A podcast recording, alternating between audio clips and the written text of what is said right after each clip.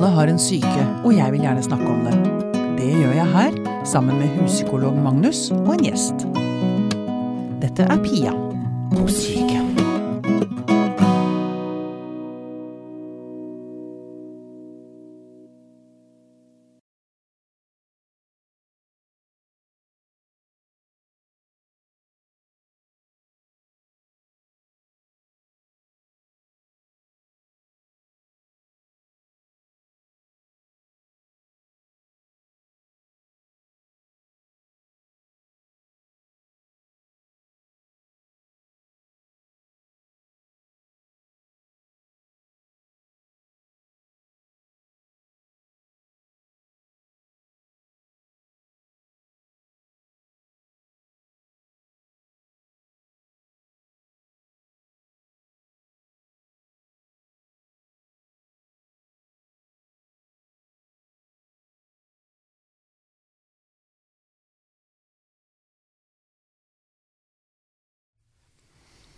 Det er ikke så ofte jeg går i studio, Magnus, og er redd for at jeg skal begynne å gråte, men det er jeg i dag.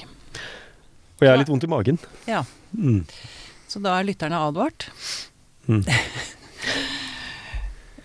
Velkommen, Martin Eia Revheim. Tusen takk. Gikk rett på sak, jeg. Det liker jeg. Ja. Forretningsmann og kulturarbeider.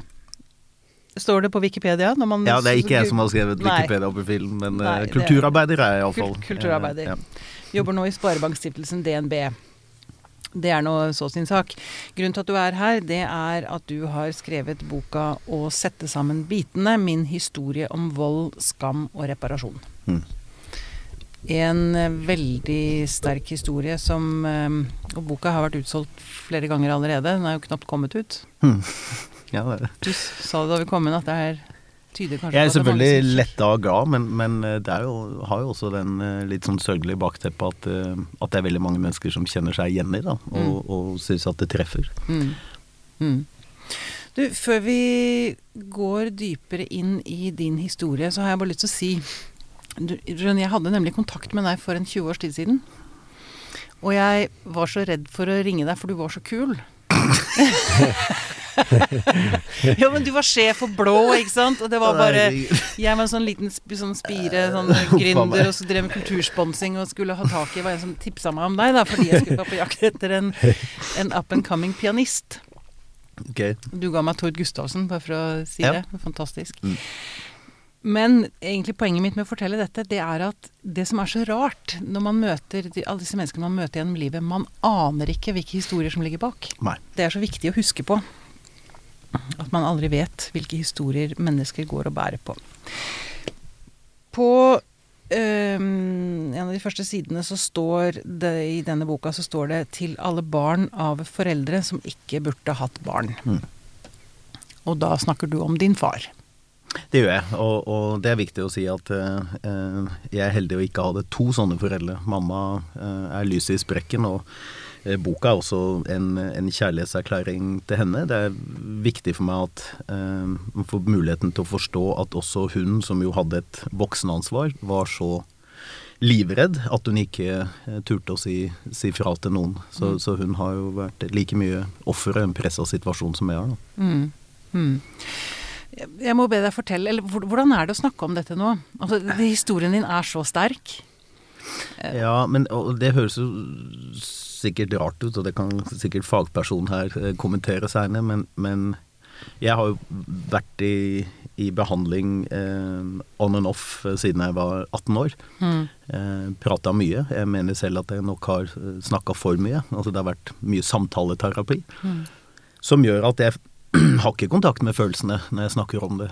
Eh, det er noe annet når jeg snakker om andre barn. Det, det klarer jeg nesten ikke å snakke om, men, men Andre barn som har opplevd lignende. ja, Mm. det, det er noe annet. Men, men min egen historie, den uh, har verbalt blitt uh, tømt for, for mye kraft. For også, men det sitter i kroppen. Det, kroppen husker. Og så i form av angst, dårlig søvn, um, ja, både alt fra muskelsmerter til muskelkramper og, og den type ting. Da. Men, men å snakke om dette, det det, det blir ikke veldig emosjonell av det, nei. Nei. Mm. Ok. Kan du fortelle litt om ditt liv, ditt, din oppvekst? Din far var alkoholisert og Mm. voldelig, men han begynte å drikke ganske sent Mm. i livet. Han var 30. Mm. Hadde du, spørre, hadde du gode år de første årene, liksom? Ja, det tror jeg jeg har hatt, og, selv om det er tydelig spor av at pappa nok har hatt en eh, personlighetsforstyrrelse, og at eh, det ikke er alkoholen som er skyld i hvordan ting ble, men kanskje snarere alkohol var en slags eh, mulighet for han til å skru av noe som Altså, han har hatt eh, overskridende oppførsel helt fra han var ganske ung, men, men han var jo også en forholdsvis flamboyant fyr, da. han var, Karismatisk. Han var, ja, absolutt. Prest. Han snakka seks-sju språk og spilte omtrent like mange instrumenter. Uh, hadde veldig lett for ting. Jeg misunner han voldsomt, for jeg har aldri sett han lese en bok eller øve eller noe som helst etter jeg ble uh, stor nok til å legge merke til sånt. Morsom, meddrivende fyr i sine beste år. Mm. Eh, Vi hadde en oppvekst som gjorde at jeg eh, bodde i København noen år som, som barn. Et, etter det i Brasil. Jeg fikk oppleve brasiliansk musikk. Da var jeg veldig liten, men det, det har satt seg i hukommelsen. Eh, kjente mange spennende folk. Og til forskjell fra mange andre fedre på den tida, han er kanskje litt slem, men altså fedrene var enda mer perifere enn de er nå. Det var jo stort sett mødrene vi forholdt oss til, og de holdt på med sitt. Men, men ikke at pappa var voldsomt til stede, men når, når han var til stede, så, så tror jeg også mange kompiser husker at han um, kunne være morsom. Imp impulsiv. Ja. Så, så er det sant at han begynte å drikke seint. Uh, han gjorde seg ikke ferdig med den uh, festinga som ungdom, men begynte først da han var rundt 30. Mm.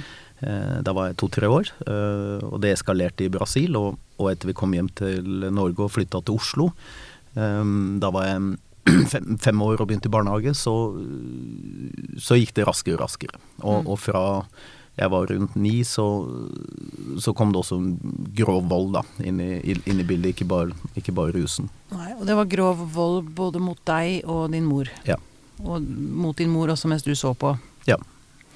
For du skriver et eller annet sted at det eneste jeg ønska meg, var ro. Um, ehm, og det var et eller annet annet du skrev også Ja, altså, om at jeg- jeg- det, var, det var ikke hvor ofte han slo, Ja. men det var det at dere fikk aldri fred. Ja, jeg syns det er viktig òg, fordi at uh, dette har jo jeg kjent på. Det er mange som har hatt det vanvittig mye verre enn jeg har, og jeg har kjent på den underlegenheten at å herregud, jeg har hørt de historiene. Jeg er også fullt klar over at det er mange som sliter, som ikke har opplevd like mye vold for meg. ikke sant? Vi, vi driver gjerne og sammenligner oss, som jo er fryktelig tullete, men sånn er vi. Og poenget mitt er at har du først blitt slått en gang, så vil jo den eh, frykten for at det skal skje igjen, bli sittende resten av livet. Eh, så, sånn at det blir jo ikke en sånn konkurranse om hvem som har hatt, opplevd mest vold over mange år. Eh, det gjorde vi. Den, den frykten var alltid i oss, og det skjedde igjen og igjen. Eh, og det var jo veldig uforutsigbart hjemme hos oss. Altså det, den eneste roen vi egentlig hadde, var når han var så uh, rusa at han var nesten komatøs. Altså da, da sov han jo noen timer. Så var det en rutine som jeg tror mange barn av rusmisbrukere kjenner igjen, nemlig at, at rusen har også sitt mønster. Ja. Eh, og rusen blir en slags forutsigbarhet, det òg, etter hvert. Han, han var nesten uten unntak full i par og 70 timer fra torsdag kveld, tok fri fredag, Holdt holdt prekener søndag. Sånn, at det fulgte ganske fast mønster, da. Så han var fullt operativ prest? Ja, mange som er operative selv om de Ja, ja. gjør mye annet eh, bak veggene. Og det er jo litt Altså, noe av poenget i historien nå er jo at vi Og dette er det, Jeg har selvfølgelig ikke noen løsning, jeg er heller ikke fagperson, men, men vi vet iallfall at hjemmene er sannsynligvis den beste institusjonen til å ta vare på hemmeligheter. Det er på linje med Vatikanet. Så vi må bare ta for gitt liksom at de de veggene beskytter eh, også de tingene som burde vært sett, eh, og vi barn er eh, dønn lojale. Eh, av mange grunner. Det ene er at vi, vi trenger kjærligheten, og vi, det er bare de foreldrene vi har. Eh, men også frykten som, for hva som skjer hvis vi sier fra. Jeg holdt på å si, din far hadde vel altså, han- var prest, altså han var vel ansett. Ja. Altså han var frimurer. Mm. Så han, han beholdt en fasade, og klarte kanskje å slippe unna å havne i fengsel når han sovna på en benk eller et eller annet sånt noe? Ja, eh, altså Jeg lo av frimurer, for det er jo sosialt selvmord i dag, men, men da, var det, da, var det, jo faktisk litt stas. Menn som eh, kledde seg ut i kjole og hvitt og tok på seg medaljer og gikk ja. gjennom sånne eh, hakkespettritualer, liksom. Men, men, eh, men han syntes det var stas, og det var ansett av eh, stort sett andre menn, da. Mm. Eh, og det er helt riktig, han, han, kunne sovne på en benk drita full i kjole og hvitt med medaljer, men fordi han var en prest som kunne si at han har hatt et illebefinnende, så, så kjørte altså politiet han helt hjem til Kløfta, som er nesten fire mil fra Oslo. Han kom ved et tilfelle hjem kjørt i polititaxi eh, med god stemning hos politiet da jeg gikk på skolen, f.eks. Altså han, mm. han kom seg unna med nesten hva som helst, men, men, mindre og mindre etter som årene gikk. Da, og til slutt så gikk det jo helt til helvete, men, men i noen år så klarte han både å altså leve et sånt dobbeltliv med med mye rus, mye vold, og, og, samtidig at han fikk gjort i hvert fall det meste av jobben sin. Ja. Og uh, rus og vold er nå én ting. Jeg tror det som, som gjorde meg vondest da jeg leste boka, det er bl.a. historien om undulaten din. Mm. Fordi han virket så infam. Mm. Det virket som om han likte å se deg lide. Mm. Eh, og det stemmer nok, dessverre. Fordi uh, det mamma syns når hun oppsummerer livet med han, så, uh, så syns jo hun han var verst edru. Ja. Og de største liksom overgrepene mot henne og, og nedlatenheten mot henne var nesten uten unntak uh, som edru. Fordi det var så mye mer raffinert og utspekulert. Ja, det var blant annet at han pakket inn en klut og ga mm. henne ja. ja. hun fikk en vaskeklut i bursdagsgave, og, og, kommentaren hans var 'det er det du har vært'. Eller han mm. spytta ut maten som hun serverte, for seinere å tvinge henne til å lage mer. Altså Det var en sånn eh, system i det, da. Og, og det med undulaten min er jo egentlig noe som har blitt eh, Altså det er noe jeg nok sørger over først nå, som voksen, og det er noe jeg egentlig har tenkt mye mer eh, på etter jeg ble voksen. Kanskje nettopp fordi det er en sånn utspekulert ting. Ikke at uh, rus unnskylder noe som helst, men, men, nettopp her har han planlagt litt. Da. Uh, ja, det som, det, ja, ja, det mm. ja, ja, det som skjer er at jeg kommer hjem fra feriekoloni, som for så vidt også var et sted jeg ikke ville være, men, men det var jo bedre enn hjemme. Og så uh, kom jeg hjem fra feriekolonien, jeg hadde hvit undulat som da het Alexander, som er mellomnavnet mitt. Mm.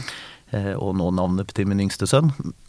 Og eh, buret var tomt. Eh, ingen lyd av den undulaten.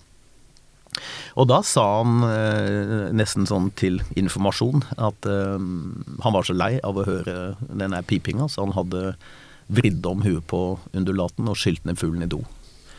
Eh, veldig sånn omtrent så direkte ble det sagt uten noe eh, kvaler fra hans side. Eh, og det skjedde selvfølgelig ting etter han sa det.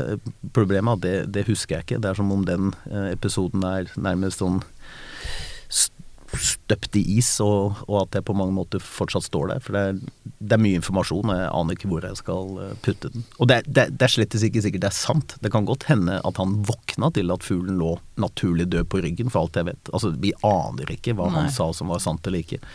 Så, så, dette vet vi ingenting om. Nei. Og så eh, en annen episode jeg har lyst til å trekke frem, er også selvmordsspøken hans da du mm. var elleve. Mm. Um, ja, for å gi et si, dekkende bilde av dette mennesket du vokste opp med. Uh, hva var det som skjedde der? Uh, da Han hadde våpen, da. Han var ikke bare prest, han var etter hvert fengselsprest og, og, også major i militæret, altså feltprest. Han hadde våpen hjemme, en pistol. Colt 9 mm.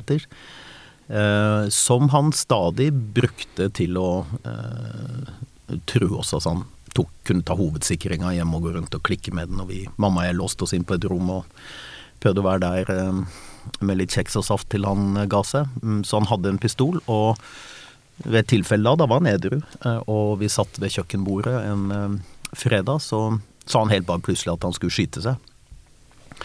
Og løp mot kontoret sitt, da, som var i enden av en, en lang gang. Um, som man jo aldri brukte som kontor, men det er noe annet. så, så løp jeg etter han, uh, for jeg fikk jo helt fullstendig panikk. Og han klarte å lukke døra før jeg kom, og fikk låst igjen. Og dette var jo sånn jalla-hus som var sånn nesten som en brakke med skråtak, for det var sånn tjenestebolig for folk som jobba på Ullersmo, så det, det føltes ut som det egentlig bare var en kulisse. Det var veldig sånn Døra var nesten hul, eh, det er i hvert fall min oppfatning av det. Jeg hørte alt, jeg hørte pusten hans. Eh, og så, eh, så hører jeg ladinga i pistolen, altså at kula går i, i løpet. Det er jo en lyd jeg kjente. Mm, og så trakk han av, og liksom deisa inn i døra, og jeg hørte at han sklei langs døra, og det, det lukta krutt. Og det har sikkert bare gått noen sekunder, eh, selv om det føles som en, en, evighet, så begynte han å le. Eh, det ligner litt på uh, undulathistorien og, mm. og, annet, og um, en av flere historier som igjen jeg ikke helt vet hvor jeg skal putte. Mm. Sånn verbalt så Jeg tror det er så mye forsvar der at jeg har nesten ikke kontakt med at det var jeg som sto der. Det, er Sånn kan mamma føle innimellom òg, at det bare er skrudd av. Men uh, det ble aldri snakka om. Det, han sa aldri unnskyld.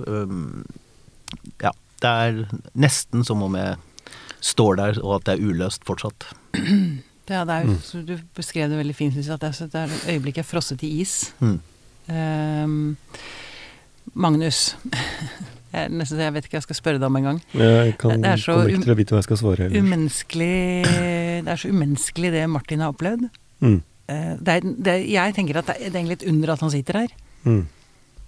At ikke han selv havna ut Altså rusa Altså, jeg, jeg, vet ikke. Nei, jeg deler den oppfatningen, og som du sa, at du kommer til å streve med å ikke gråte. Altså at det, mm. det at man blir Eh, og at du snakker om at du har vanskeligheter med å snakke om andre barn, eller mm. sette deg inn i andre barns lidelse, mm. så blir vi som lesere satt veldig inn i din lidelse da, som barn, mm, mm, eh, og gi disse historiene. Og det, og det er jo ikke noen lett oppgave, det heller. Og mye av det, i hvert fall når jeg hører på det nå, så er det jo dette med at det er så øh, vanskelig å forstå. Mm. Altså, og at det må og når du sier at det er frosset i is, det er et mm. øyeblikk, og du, og du flere ganger i boken din også lurer på om er dette er sant? Altså, er dette her, mm. kan, det, kan det være at jeg er mm. konstruert i ettertid, og du og moren din prøver å gjøre opp med hverandre da, hva det var dere husker begge to? Og det er, det er, egentlig ganske sånn lett å forstå. Det er vanskelig å, vanskelig å begripe den type Mm. Den type aggresjon og mm.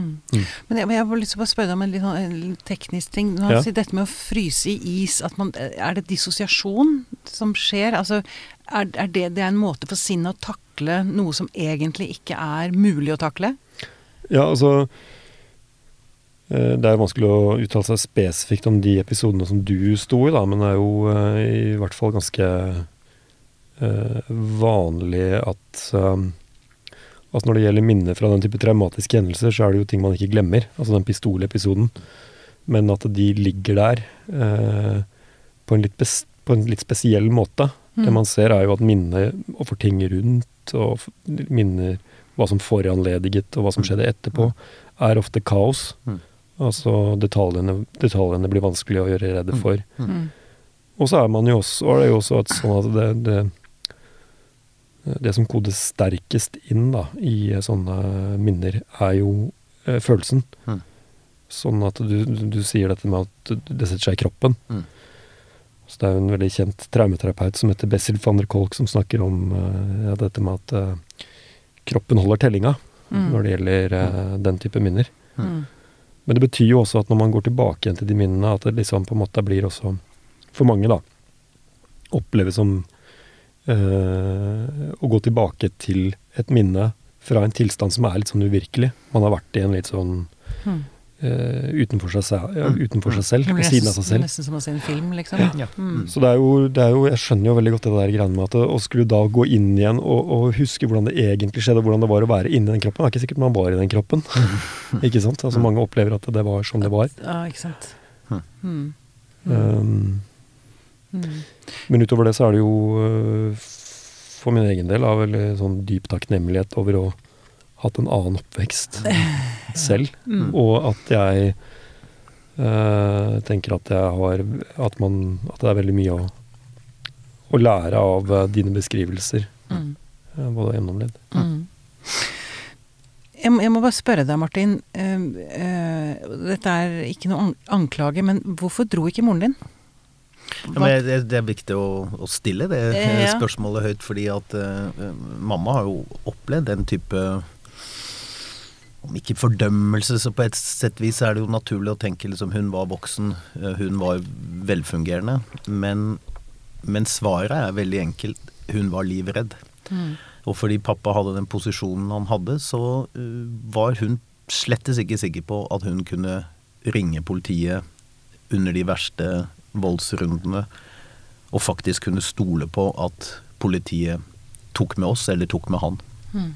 Det er faktisk ikke usannsynlig at han hadde klart å, å overbevise og snakke. Det hadde hun Mm. mange, mange eksempler på. Da. Mm. Eh, Så, så hun tok jo den eh, Hun liksom regna seg fram til at vi var i større fare ved å forsøke å bryte ut, og at hun var livredd for, for livene våre, rett og slett. Og, Mm. og det som er viktig for meg å, øh, å få fram, da, som, det er jo du sa at det er rart at jeg sitter her. Hun er grunnen til at jeg sitter her. Eh, og øhm, dette gjelder jo fryktelig mange, ikke sant. Altså den Det er eh, det, Jeg tror dette er sånn at én av eh, ti eh, eh, Ni av ti menn går fra kvinnene sine når kvinnen, kvinnen er den som ruser seg. Ja, det leste jeg. Én av ti eh, kvinner går fra mannen. Og det er, det er mye frykt inne i, i bildet. At det handler jo ikke om at eh, kvinnen ikke er selvstendig. Det er, det er mye Det er fryktelig mye vold. Mm. Og det er en av de andre tingene jeg syns er viktig eh, å snakke om i forbindelse med dette her. Eh, og for all del ikke misforstå, eh, blind vold er det verste som kan skje for de som opplever det. Men statistisk sett eh, er det ikke et veldig stort problem, selv om avisene skriver om det og vi går rundt på gata og er redde. Men Mm. det er faktisk farligst når vi kommer hjem. Ja, Eh, hjemmet er det farligste stedet, spesielt for kvinner og barn.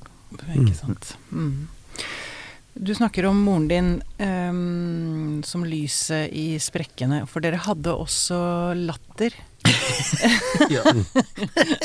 på mange av de gale stedene, men eh, det var nå vår Men måte å takle vel- det på. Ja, ja, men det er Ifølge jo humoreksperten vår, så det, er det vel på alle de rette stedene. Ja, Ja, det er- ja, Jo, for oss er det det, men det er Mm. nesten flaut å snakke om. Men, men ja, ja, for oss var det jo det. Det Mm. var mye Det kan være livreddende, det. Ja, Å det le det nok. på de gale i anførselstegn Og stedene. sammen. Og sammen, ikke sant. Mm. Jeg har også lyst til å touche innom at du, både hun og du f kunne fantasere om å drepe han. Mm. Det Så viktig å løfte frem, tenker jeg. Ja, altså hevn eh, er noe eh, jeg syns det snakkes for lite om i forhold til hvor mye vi vet om at det er en ganske naturlig respons hos oss Mm. eh, mennesker. Mm. Tenk mye Mm. på det i forbindelse med at vi blir eh, nærmest eh, påkrevd eh, forsoning. Legg det bak deg. Mm. Møte alt med roser og, og rosetog. Jeg syns det helt Det er helt urimelige krav til, eh, til folk som har opplevd eh, å, eh, å ligge under for slag eller eh, andre ting. Og jeg har jo aldri turt å snakke høyt om det, da, og, og i alle fall ikke mamma, for jeg forstår jo at Oi, og du, ja, ikke sant. Jeg, jeg vet, jeg er ganske trygg på at folk vil føle en sånn type empati med selve historien. Mm. Men når du kommer inn på liksom bitterhet, hevntanker, og hvilke absurde symptomer den bakgrunnen gir meg i dag, som jo ikke er noe én-til-én-forhold, eh, så er jeg ikke helt trygg på hvordan folk vil eh, reagere. Og, og, og mamma fordypa seg virkelig i hvordan hun kunne få tatt livet av han. Mm. Eh, Og hun brukte mye tid på det, og, og fantaserte om det. Og, og var også konkret. Det var ikke en sånn eh, at hun bare liksom gikk og tenkte at det hadde vært digg om han døde. Mm. Mm. Og, eh, og det samme hos meg. Eh, så Det er vel også en måte Mm. å få å, holdt på å si, ta tilbake makten over sitt eget liv, Ja. og, Mm. og, og bruke tid på de tankene. Jeg kan kjenne det igjen. Ja, Mm. Altså Mm. få raseriet. ja, ja. Da får man jo tilbake styrken. ja, det er sant. Mm. Eh, mm. Samtidig som hadde jeg opplevd jo en god del avmakt, for jeg forsøkte jo å gå på han, Ja, men, eh, men den ambivalensen jeg har som, som sønn, og sikkert også at jeg aldri egentlig har hatt en, en voldsimpuls i meg, så, så ga jeg meg jo alltid. Mm. men da, eh, da var det han som fikk overtaket. Men, men jeg har jo gått mot han ved, eh, ved flere anledninger, selv om eh, selv om jeg ikke fullførte. Mm. Mm. Du får høre hva du tenker om dette med hevn, eh, Magnus. Jeg vet jo i ISTDP, som er din retning Ja, jeg har i hvert fall utdanning i det. Ja, du har utdanning, ja. ja, ja, ja, Men den, den kjenner jo jeg også ganske godt. Mm. Og der, det, jeg har ofte lurt på det med, det med med den retningen, fordi alle følelser kan uttrykkes, men ikke raseri. Det skal liksom bare kjennes i kroppen. Skjønner I- du hva jeg i- I CDP? At uh, raseri Ja, nei, glem det. Det er ikke viktig. Ja, bare- det, det stemmer kanskje ikke helt med den modellen, men der er det jo Der er det vel eh, eh, på en måte egentlig litt eh, Raseriets plass er jo i noens mening gitt for stor plass da, i den uh, modellen også, men der uh, handler det jo nettopp om uh, eh, at den naturlige førstereaksjonen mot en del traumer man har med seg som barn også, vekker nettopp et morderisk raseri mot sine nærmeste Mm, omsorgsgivere. mm, Og at det er det som på en måte er i mange tilfeller. Og det tror jeg, det tror jeg ikke det er noen stor eh, disputt om, egentlig. At mange går og bærer på et vanvittig raseri eh, av de som er tidlig krenket, uh, og gjerne gjentagende krenket av omsorgsgivere. Eh, som har vært i en situasjon hvor de er helt låst, nettopp fordi de har kanskje måttet eh, hemme dette raseriet, da. mm, Og finne andre måter å få utløp for det på. mm, på det, eh, få utløp eh, på det eh, på andre måter. mm, mm.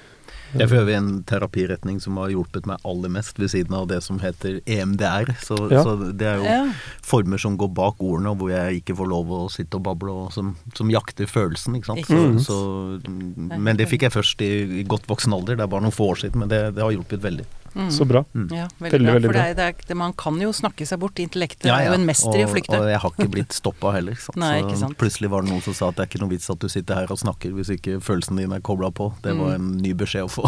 Ja, Nei, og det, sant. Mm. og det, til det du sier innledningsvis også, altså at det, det som har vært mye sånn eh, Når eh, folk har den bakgrunnen som du beskriver, da, så Mm. tror jeg at det er veldig mange av de som har gått i veldig mye sånn samtaleterapi hvor, Mm. hvor folk har liksom villet høre pasientens historie. Mm. Så, er det, så tror jeg det skaper nettopp i mange Hvis, man, hvis det gjøres på, på feil måte, så skaper det nettopp en distanse til følelsene Mm. og et forsvar gjennom at man Mm. bygger opp et intellektuelt rammeverk rundt Mm. eh, bakgrunnen, Mm. som, eh, som oppleves veldig ekkelt, fordi Mm. på en måte det er litt sånt misforhold mellom det, Mm. det kao, kaotiske i dypet og, og det man presenterer, da. Ja. Ja, presist. Mm. Ja. Så um, Da du ble 18, Mm. så ble du innlagt. Ja. Da, var det da du ble, tvangsinnlagt av faren din? Ja. Etter et selvmordsforsøk? Mm. Mm. Mm. Og, Eh, ja. Nå, nå begynner vi å gå inn i nå, ja. Altså, og, og du har vært mye på institusjon Mm. opp igjennom. Mm. Mye medisinering. Mm. Mye feilmedisinering. Mye feilmedisinering, ikke minst. Um, ja, eh, for- en ting som sjokkerte meg da, det er Det står Du har sitert fra eh, nasjonalene dine. Diagnostisk passer dog pasienten nå best i ISD9-systemet med paranoid personlighetsforstyrrelse med psykotiske gjennombrudd, ukontrollert Mm. aggresjon. Um, og så skriver du Dette er fra overlegens journal i 92, tror jeg. Uh, ja. Eh, Og så skriver du overlegens språk er helt umulig å argumentere mot for pasientene. Og overlegen som hadde ansvaret for meg, hadde jeg aldri møtt. Det, sånt blir jeg altså så forbanna av. Det er helt, jeg syns det er så øh, for, Visste de hva som hadde skjedd med deg? Nei. Men de spurte ikke heller. De spurte ikke, nei. ikke Men, sant? så, sånn at det som Kan jeg hoppe tilbake til hva som var uh, utløsningen til selve innleggelsen. Men, men da, Mm. det var altså pappa som fortalte prestens versjon, nemlig at jeg uh, var helt uhåndterlig hjemme. Mm. Eh, jeg angrep han jo ved et par anledninger, så han fortalte om det. Mm. Eh, det ble oppfatta som såpass alvorlig at på hans begjæring så ble jeg tvangsinnlagt. Mamma ble ikke på noe tidspunkt de månedene jeg var tvangsinnlagt, spurt om noe som helst. Hun var ikke inne til en samtale. Og eh, familiesystemet som, som jeg var en del av, ble ikke vurdert som problemet. Selv ikke etter hvert som jeg begynte å fortelle. Eh, Så det jeg har fått oppleve, mener jeg selv er liksom siste rest av den skråsikre, autoritære ja. mannlige overlegens eh, hegemoni, da. Fordi eh, det er viktig å si at så fort vi kommer ut på 2000-tallet, så har jo dette endra seg radikalt. Jeg er i dag den fornøyde pasienten. Jeg får god hjelp, jeg får kyndig hjelp. På den tida så var det ikke engang miljøkontakter som satt på sykehus. De var, de var liksom sånne punga bytryner som har gått livets skole for å være litt slem. Altså det var ingen fagutdanna. Det var folk som hadde ekstrajobb for å tjene penger. Overlegen var stort sett eldre mann, eh, og ved å få disse journalene fra sykehuset, så, så ser jeg jo en sånn konsekvent eh, journalføring som er helt uten undring. Fullstendig uten spørsmålstegn.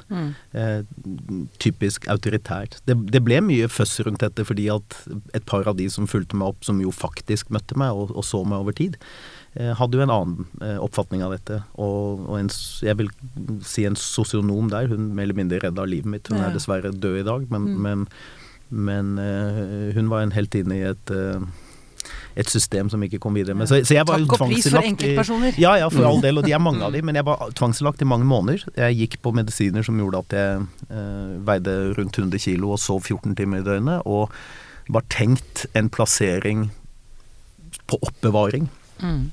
ufør, eh, på Blakstad sykehus, som jeg ble sendt til.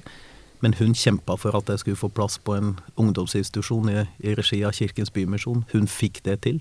Ja. Hun fikk meg inn der, mot legens anbefaling, og, og brøyt da egentlig med det eh, løpet som de hadde lagt opp til, og det, det var faktisk helt livreddende. Mm. Hva het hun fornavn? Hun het Myrna, og det, Myrna. det kommer jeg aldri til å glemme. Men dessverre, da jeg Heia skulle sende henne en, eh, en blomst, så, så fikk jeg vite at hun var gått bort. Død. Mm. Mm.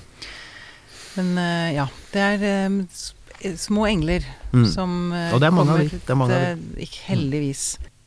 Du fikk et vekkelsesøyeblikk to år etter at du var innlagt første gang. Mm. Fortell om det. Ja, det, det er veldig sterkt. Jeg har ikke hatt noe lignende verken før eller siden, så det, um, det var noe der. Altså det som, som skjedde da altså jeg, jeg begikk jo et selvmordsforsøk som var grunnen til at jeg ble kjørt til sykehus fordi jeg måtte pumpes. Og da ble jeg tvangsinnlagt. Og så var jeg da tvangsinnlagt noen måneder, men så fikk hun da eh, til at jeg fikk bo på en, en eh, bymisjoninstitusjon på Tåsen, Mm. hvor jeg bodde i over fire år, og begynte å studere blant annet. Men på det tidspunktet så, så var jeg jo blitt en sånn joggebuksepasient. Hvor, hvor gammel er er du nå da? Jeg er 19, 19, snart 20. Mm. Og, og, og på den tida i psykiatrien, det var ikke fokus på uh, noe av det fysiske. Heller ikke på kosthold, ingenting. Medisiner var løsningen på alt. Mm. Mm, det, det var en fin institusjon, så de var mer opptatt av det. Og på et øyeblikk så, så var det sånn at jeg tok medisinen i åttetida, sovna mellom ni og ti, og, og klarte jo ikke å få gått på forelesninger på morgenen. Altså, jeg sov godt utpå og hadde voldsom hangover. Jeg gikk på medisiner som sto i stil til den diagnosen jeg hadde fått. da. Mm. Og så var det en natt jeg mm, rett og slett ikke fikk sove. Og dette høres som nesten litt sånn Ja, er, for meg er det poetisk. Altså, det var krystallklart. Det er en sånn, sånn fullmånekveld. Liksom. Det er et eller annet. Mm. Selv om jeg egentlig ikke har noe voldsom eh, tiltro til at det styrer livet vårt, så gjorde jo det i det tilfellet der, da. Stjerneklart, eh, kaldt, friskt. Og jeg sov ikke. Eh, og det var jo første gang på mange, mange måneder at ikke jeg bare slukna og våkna helt i ørska dagen etter. Og da følte jeg som kald. Altså nå tar jeg bare alle de pillene og hiver i dass. Det gjorde jeg. Tok og tømte alt jeg hadde. Du skjønte at dette her Ja, altså jeg hadde to typer medisiner, og pluss at jeg hadde jo da en medisin mot bivirkning av den ene medisinen. Mm. Jeg kasta alt i dass, og så bestemte jeg meg for å ikke si noe til psykiateren min før det hadde gått noe tid. Eh, og så Så du lot som du gikk på medisiner? fortsatt? jeg sa i hvert fall ikke noe. Nei, Eh, ikke og, og, eh, og så tok jeg og fylte, det var litt sånn symbolsk, jeg fylte to halvannen liters colaflasker som jo jeg eh, var blitt avhengig av, colaen altså. Mm. Men jeg fylte det med vann, la det i sekken min og bestemte meg for at jeg aldri skal ta kollektivt. Og så begynte jeg å gå til alt. Det, det har blitt en vane. Det er altså poenget er at jeg, som han, gikk, jeg gikk ned i- vekt, i... og jeg vant jo på mange måter tilbake et uh, liv, da. Mm. Du, jeg vant, ikke sant. Du tok det tilbake. Ja. Mm. Mm, Eller hadde vel strengt tatt ikke hatt det, men jeg, men jeg, jeg, jeg, skapte meg mitt eget liv. Ja. Og så er det så kult, for du skriver et eller annet om at tenk om livet innimellom slagene kunne gitt oss en trailer av noe av det gode som venter. Mm, Bare for at vi ikke skal miste håpet. mm, For som du sa, hadde du den gangen annet. Altså at du skulle bli starte blå Mm. festivalsjef på Kongsberg, at du skulle Mm. møte helt Altså du Mm. fikk jo et Mm. en, ikke sant, Plutselig du hadde du jo et liv. Virkelig. Ja, absolutt. Mm. Eh, jeg ser selv at jeg har hatt eh, en disiplin å, å jobbe men, men igjen, som du sier, vi, vi skal tillegge de englene rundt oss stor viktighet, da. Mm. Fordi, fordi jeg ble plukka opp av folk som ga meg sjanser. Som lot meg skrive plateanmeldelser, og som rett og slett egentlig satt meg i gang, da. Som, som gjorde at jeg kom inn i noe helt uh, annet. Men disse tingene hadde jeg jo ikke hadde ikke fantasi til å, til å se for meg eh, noe av dette. Like Mm. lite som mamma kunne se for seg at hun skulle bo i sin egen leilighet og ikke Nei, bli hun vekta, vekt om natta. Hun gikk da jeg var trygg. Ja. Da turte hun å gå. Da jeg ble lagt inn, så brøt hun ut. Da var, var eh, 50. hennes bekymring for meg Da var jeg plassert et sted. Hun var 50 år. eh, hun flytta med alt hun eide og hadde i en liten bil. Eh, mamma og pappa hadde ingen materielle eiendeler, så hun måtte begynne livet sitt helt på nytt og var 50 og bodde på hybel som hun leide. Mm. Men hun hadde heldigvis jobb. Altså Hun hadde var, jobb, og, og vi mm, hadde hverandre. Så, Ja, ja, ikke sant. Mm. Ok, og så har jeg lyst til å snakke litt med deg også om For du har også vært på Modum Bad, Mm. men det er i senere år. Ja. Altså de beste, den beste behandlingen jeg har fått for det jeg sliter med, var jo da jeg fikk behandling knytta til diagnosen. Og selvfølgelig, dette er jo klar over, vi, vi får vite nye ting hele tida. Mm, Sånn at det mm. fokuset på hjernens plastisitet og evne til å danne nye minner og danne nye mønstre osv., det, det, det var man ikke opptatt av, eller visste ikke på 90-tallet. Og, Mm. og det, det er en for så vidt eh, og, og Modum er jo gode på forskning òg, så de er ganske sånn tidlig på det man etter hvert får vite. Mm. Eh, det kan godt hende de begynner med LSD igjen, for det gjorde de jo på 70-tallet. Da den fromme Gordon Jonsson starta Modum, så var det jo en eh, Det var mye tripping helt ut på 70-tallet. Mm. Men, men det er en avsporing. Altså, da, da jeg kom dit, så Så var det Det var ingen interesse for det jeg var vant til å få mye respons på, nemlig å sitte og fortelle. Ikke sant. Stilte meg ikke ett spørsmål om Hva som hadde skjedd. Nei, ikke sant. Dataene, faktaene. Nei. Mm. Jakta følelsen. Mm. Og da jeg ble stoppa og ikke fikk sitte og fortelle og fortelle det jeg var vant til å fortelle, så Hm. Da visste jeg ikke hva jeg skulle si. Det er nest, altså jeg, nest, jeg kjenner på det nå, for jeg, jeg følte meg veldig pressa. Eh, og det var det eneste jeg hadde, fant jeg ut. Altså det er jo det jeg har sittet og gjort, da. i Ja, historien ja, som du Jeg begynte å grine, og, og det kom mye, og jeg prøvde liksom hele tida å vinkle det inn at jeg kunne fortelle, men jeg ble stoppa Mm. igjen og igjen. Du følte deg Eh, litt naken, rett og slett? ja, ja, og så må det jo sies jeg ble stoppa med masse kjærlighet, for all del. Det er jo ikke sånn Mm. at det, eh, at det var noe avvisning i det, men, men metoden var å rett og slett prøve å få meg til å sitte og kjenne hvor jeg faktisk satt, eh, og ha en pust og være til stede. Mm. Mm. Og da jeg så hvor vanskelig det var for meg, så, så da følte jeg meg fullstendig demontert. Og det gjorde det. Er tre måneders opphold, opphold og godt over to tredjedeler av den tida, så, så tenkte jeg at hvordan skal jeg komme ut herfra og begynne å plukke bitene sammen igjen. Mm. Men, men eh, det hadde stor effekt. Og så har jeg også hatt et behandlingsopphold på et sted på Elverum, som også er like bra, som heter Frisk-stiftelsen. Og begge de bruker jo da EMDR eh, som metode, og, og, og emosjonell fokusert terapi. Da. Ja. Mm. Mm. Men jeg lurer på Du skriver at menn er, er underrepresentert Mm. på steder som Modum Bad. Ehm, jeg har klart å gjennomføre tre måneders behandling med fullt program. Terapi, undervisning, gruppesamtaler. Nesten ingen menn tør det. Mm. Hvorfor ikke? Nei, altså akkurat det med at de ikke tør, det er jo min påstand. Det, Men, ja, ja, men, de er jo ikke bare underrepresentert på Modum, de er jo underrepresentert i behandlingsapparatet. Mm. Av vi kan jo anta at det er 50-50 med tanke på, på hvem som har opplevd disse tingene. Menn er overrepresentert på selvmordsstatistikken. Mm. Like mye som de er overrepresentert på, på startstreken på Birken, hvis det er relevant. Men altså, det er mulig at menn tar det ut på helt andre ting. Sant? Men, men eh, menn ruser seg mer. Mm. Eh, og menn begår selvmord i større grad. Eh, og eh, syns i for liten grad i hjelpeapparatet. Da. Derfor er det jo så viktig at du sitter her og forteller historien du gjør. Mm. Jeg har i hvert fall tenkt at det er ikke så mange voksne menn eh, som forteller om det. Eh, og eh, det er det ene. Og det andre som har vært en sterk motivasjon, er jo at dette eh, Altså, jeg har lest så mange selvhjelpsbøker og seiersbøker, Mm. eh, og de har ikke vært spesielt motiverende, noen av de. Det, snarere tvert imot så har de forsterka skammen, noe som jeg vet eh, jeg deler med mange av de medpasientene andre jeg snakka med. fordi ansvaret for å komme seg jo, blir jo individualisert. Altså det er sånn du kan ordne opp i livet ditt. Og når vi ikke får til det, så, så blir skammen enda sterkere. Og, og, og uh, i boka mi så prøver jeg å vise hvordan dette lekker ut i hverdagen. eh, liksom bidrar til å mørklegge det som kunne vært fint. Altså det, det er jo et det er et syn på, på, verden og livet som i stor grad preger meg fortsatt. Og det å ha guiden oppe og skanne etter fare og være nesten resistent mot, uh, mot uh, gode opplevelser, det, det, tror jeg mange vil, uh, vil kjenne igjen. da. Ja. Så jeg ønsker å vise en litt annen vinkling, selvfølgelig i tillegg til at, at jeg tror det er viktig at vi generelt sett bare får, får tematisert hvordan det kan være å være barn og, og for så vidt pårørende i et hjem. Mm. Fordi noe av det eh, Altså Min tanke er at menn har et større behov for å vise at de mestrer. Altså at kvinner har ikke den samme, samme behovet for å liksom alltid skulle være den sterke. Er jeg inne på noe der Vi har toucha borti dette i tidligere episoder, Magnus, men det kan ikke sies for ofte, dette, tenker jeg. Mm. Uh, det tror jeg Det er sikkert sammensatt, altså hvorfor, uh, hvorfor menn ikke ender opp mm. Mm med å være like hjelpsøkende som kvinner. Mm. Men det er nok mange av de klisjeene som man Eller det som har blitt klisjeer, da, med mm. at vi snakker om det på den måten som mm. stemmer ganske godt. Mm. Det tror jeg. Mm. Så er jo jeg Så er det sikkert også en, en delforklaring er jo også at jeg jobber på en arbeidsplass hvor det nesten bare er kvinner. Mm. Det er ikke helt sant, men det er jo få menn i behandlingsapparatet også. Mm.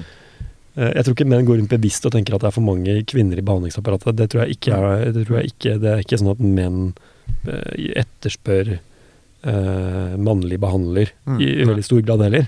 Det, det ville ikke jeg gjort uh, selv heller. Nei. Men det er kanskje noe med kulturen. altså Det er noe mm. med, det sier noe mm. om interessen for å både mm. jobbe i hjelperyrker og søke hjelp, uh, som er um, forklares ved at menn skal kanskje i stor grad klare seg selv. da. Mm.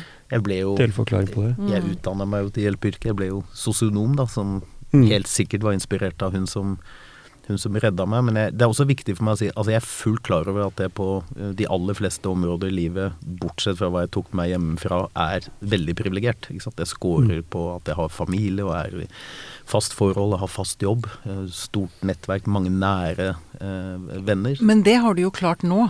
Altså, jo, men poenget du... mitt er at det er mindre risiko for meg å fortelle disse tingene enn det er for ja. veldig ja. mange andre. Altså er, vi snakker også for lite om klasseperspektivet i ja. landet vårt. Det, mm. det, de forskjellene blir større og større. Jeg merker at det engasjerer meg på, på grensa til sinne. Det er en faktor som er veldig, veldig sentral. Altså mm. hvis jeg ikke hadde hatt fast jobb, og var livredd for å, å, å miste muligheten til det, eh, hadde dårlig nettverk, mm. dårlig økonomi. Jeg kunne ikke ha fortalt den historien. Det er altfor høy risiko. Mm. Jeg er fullt klar over at hvis ikke jeg hadde vært i fast jobb eller annet, og så, og så forteller jeg den historien her, jeg er jo en sykemeldingsbombe. Altså det, det, jo, men altså helt seriøst. folk som skal ansette noen, og så får de vite om den historikken, de vil jo bare tenke at eh, de vil finne vikarierende forklaringer, selvfølgelig, for alle arbeidsplasser ønsker jo å være inkluderende og annet, men, mm. men det er jo litt pussig hvorfor de som sitter i rullestol eller annet, så, nesten mm. alle ender opp med å få jobben, ikke sant. Mm. Så, så mm. det er viktig å Altså, jeg kan gjøre det. Jeg mister ikke jobben, jeg har fast jobb. Eh, og, og, hvis det kan bidra til å eh, åpne noen dører selv, sammen med alle andre som forteller, så, så, tenker jeg at det er nyttig i seg selv, da. Mm. Mm. Men jeg har lyst litt mer om det klasseskillet som du blir så sint av. Mm. Fortell litt mer om det. Hva, hva, hva, legger du Det ligger mer der bak der, andre enn meg? Nei, men altså Jeg, jeg, jeg er jo privilegert i, i, i, øvre middelklasse. Uh, men det er en klasseblindhet, da. Ja. Det er vel egentlig det jeg mener. Um, tenker du at det er verre for en mann å søke om hjelp en, når man kommer fra en, en lavere klasse? Jeg mistenker til og med at det er vanskeligere å få tilgang på hjelpa. Jeg, ja. eh, jeg, tenker nok at mye av den gode hjelpa jeg har fått, den eh, knytter seg nok også til at jeg er eh, forholdsvis verbal. Mm. Jeg har en jobb som gjennom mange år har trent meg både eh, å formidle et budskap, mm. i å forhandle, mm. i å sette ord på ting jeg ikke er så fornøyd med i profesjonell sammenheng. Altså, det er elementer som, som, gjør at jeg nok eh, Dessverre. Eh, Kanskje til og med har sneket i køen. Mm. Hva tenker du, Magnus? Er det klasse, store klasse, stor klasseforskjell? Er det Ja, som mm, vi, vi snakket om det før òg, det Mm. klasseperspektivet. Vi snakket jo også om det klasseperspektivet også når Lena Lindgren var her og Ja. snakket om Mm. digitale plattformer. Alt Mm. som er, alt som er alle stressord og alle belastninger som legges på Mm. samfunnet. At de som rammes hardest av det, er jo hele tiden de som ikke har hodet og godt nok over Mm. vannet til å Mm. kunne gjøre gode valg. Eh, og det hoper seg opp, og det ser man jo uh, veldig ofte. Det er, eh, når jeg sitter og hører på, hører på her nå, så tenker jeg også på uh, en konkret historie også, med uh, pasient som heter Unkok, Som, som sa nettopp det i at han hadde lest en sånn Den, den vanskelige tida-historie Mm. i avisen. Mm. Eh, at det var noe av det mest provoserende han leste. Mhm. Tenk på det da du Mm. sa det, da. Mm. Fordi det er alltid en eller annen tidligere Eller alltid en eller annen toppadvokat eller en eller annen skuespiller som sier det i forbindelse med å lansere en eller annen ny film. Og så sitter på en måte vedkommende og lurer på hvem man skal snakke med i Nav, og det er ingen som hjelper med og, og, og, og sånn. Og at det hjelper veldig lite, da. Og jeg tror eh, Og det er ikke noe galt med de som går ut og, gir den Altså, det er ikke noe galt å snakke om at det er vanskelig.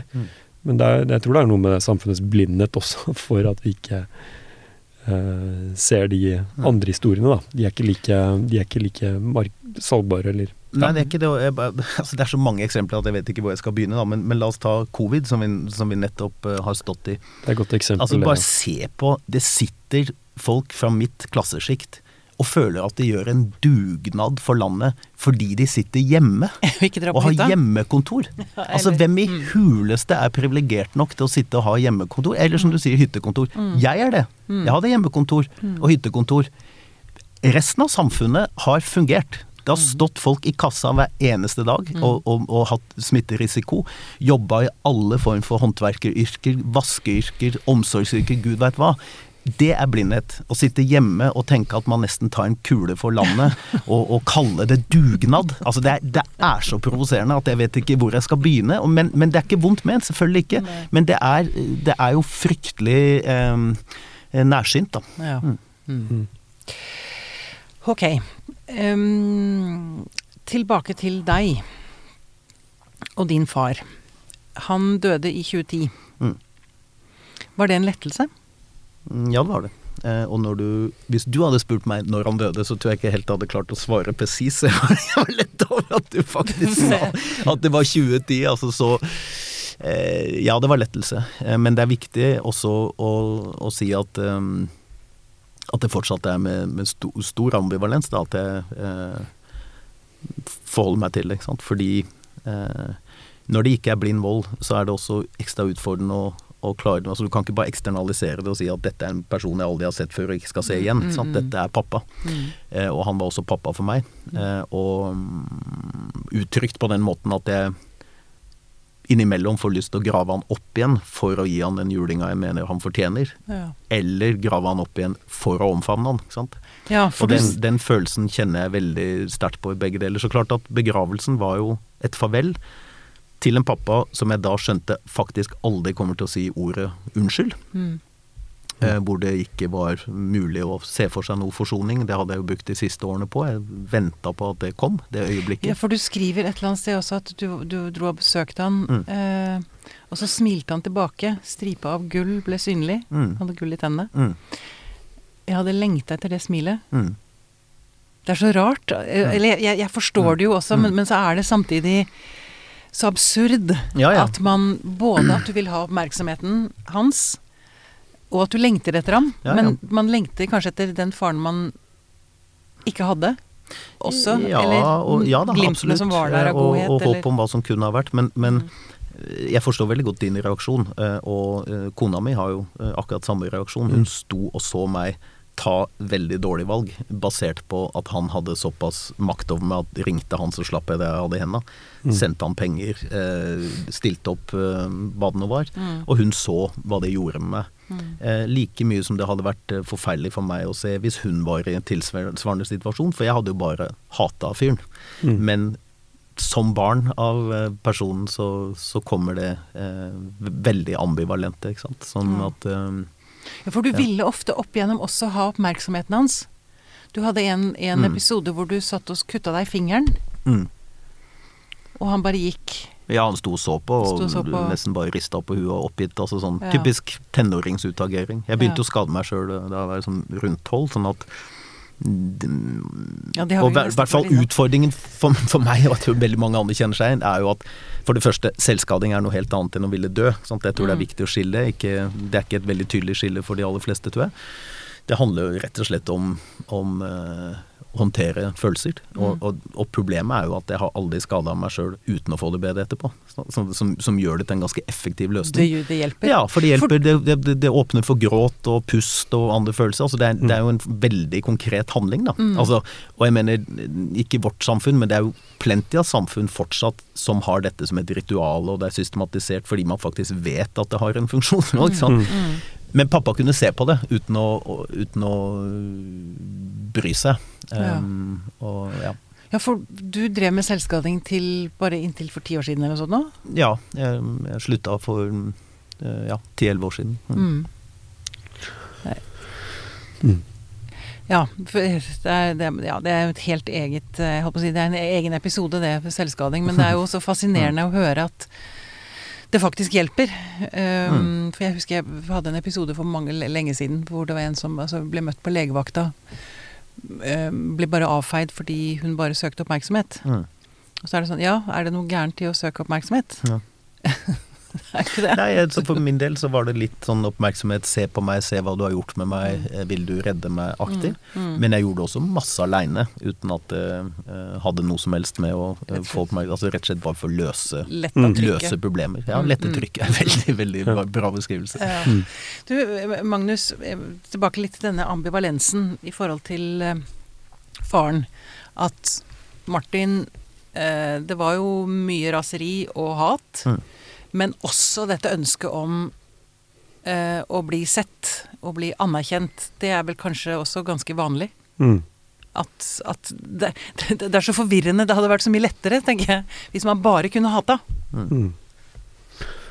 Ja, den derre ble Kanskje Det er ikke noe enkelt svar på akkurat dette her, men uh, hvis man spoler litt tilbake igjen da, til uh, eh, Til dette med hvor uforståelig Altså når man leser om det du opplevde, hvor Mm. uforståelig det er, så tror jeg det også er litt sånn uforståelig også fordi at øh, den kjærlighetsrelasjonen man har til sine foreldre, ser så annerledes ut idealet vårt. Mm. Mm. Altså, vi er jo f og, og at vi er jo født inn i denne hjelpeløse tilstanden med denne lengselen først, og selvfølgelig at vi får dekket alle våre primære behov og, og nærhet og sånn av eh, foreldrene våre, og så er vi jo så veldig avhengige av de, og, og samtidig også eh, utvikler det seg jo eh, for oss alle en veldig sånn lengsel etter, den, etter foreldrenes Mm, mm. anerkjennende blikk Ja.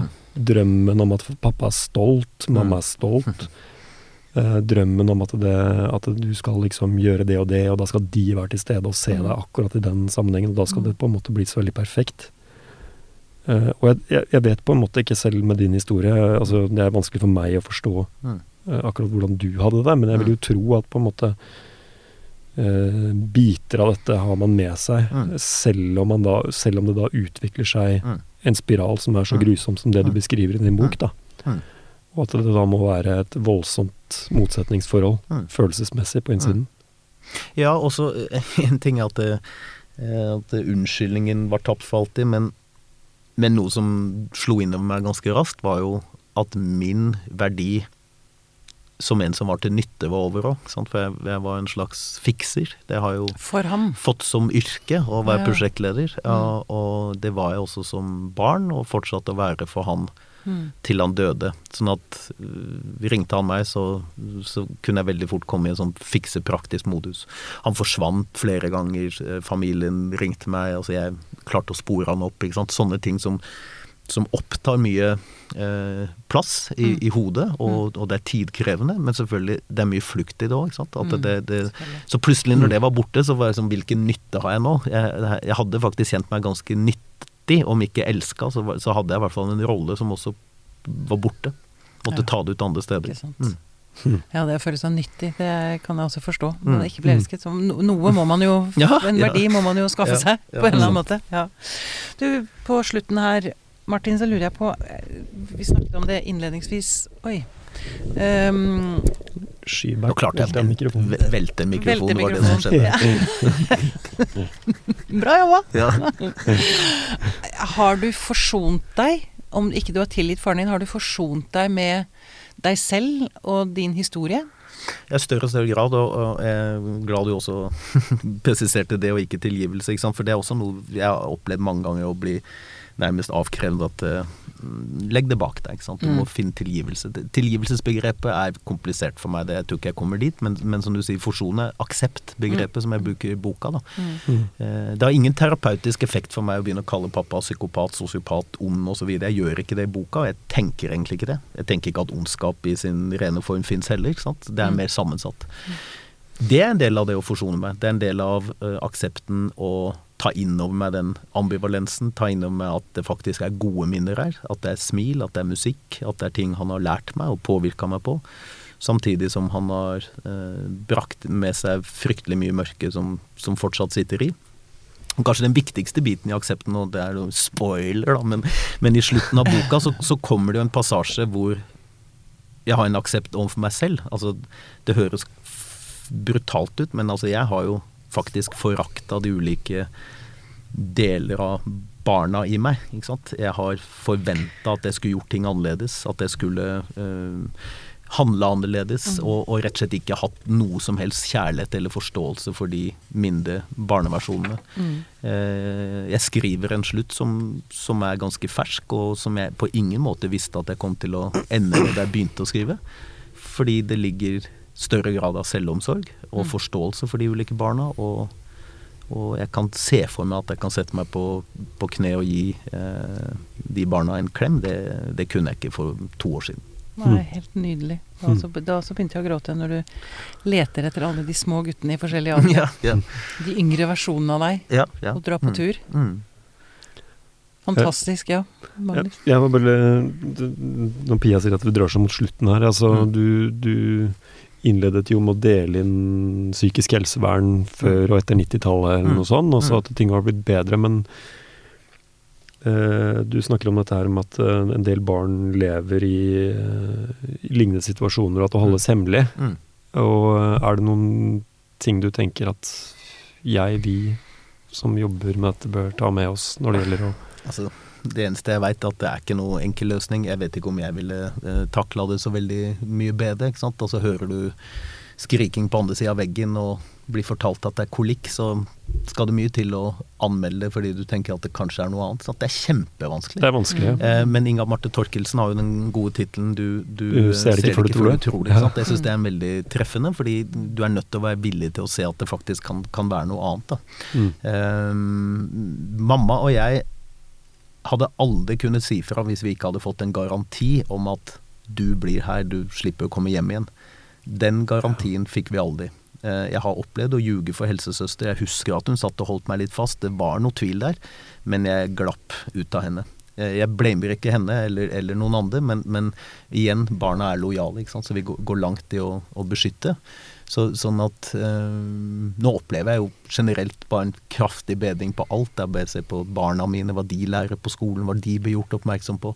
Det betyr Mm. ikke at problemene er løst, men, men mm, vi lever et helt annet åpenhetssamfunn nå. Mm. Man gjorde da. Og jeg møter mange selvkritiske fagfolk som, som når jeg sier at ting er bra, så sier de det kan alltid bli bedre. Jo, det kan det, men, men jeg, jeg opplever en helt annen kompetanse og fokus på disse tingene nå enn før. Og så vet jeg at mange andre eh, har helt andre opplevelser av helsevesenet, men, men vi som er fornøyd, bør også snakke høyt innimellom. Mm.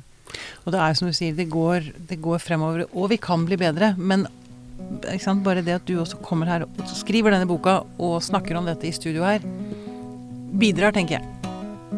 Det er eh, veldig fint. Det har vært eh, veldig fint og veldig sterkt å ha deg i studio. Tusen takk for at du kom. Tusen takk for at jeg fikk komme. Takk.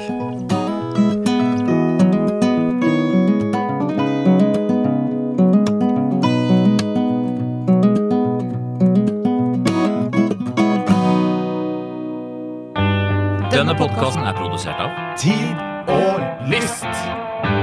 Med støtte fra stiftelsen Kåre Berg.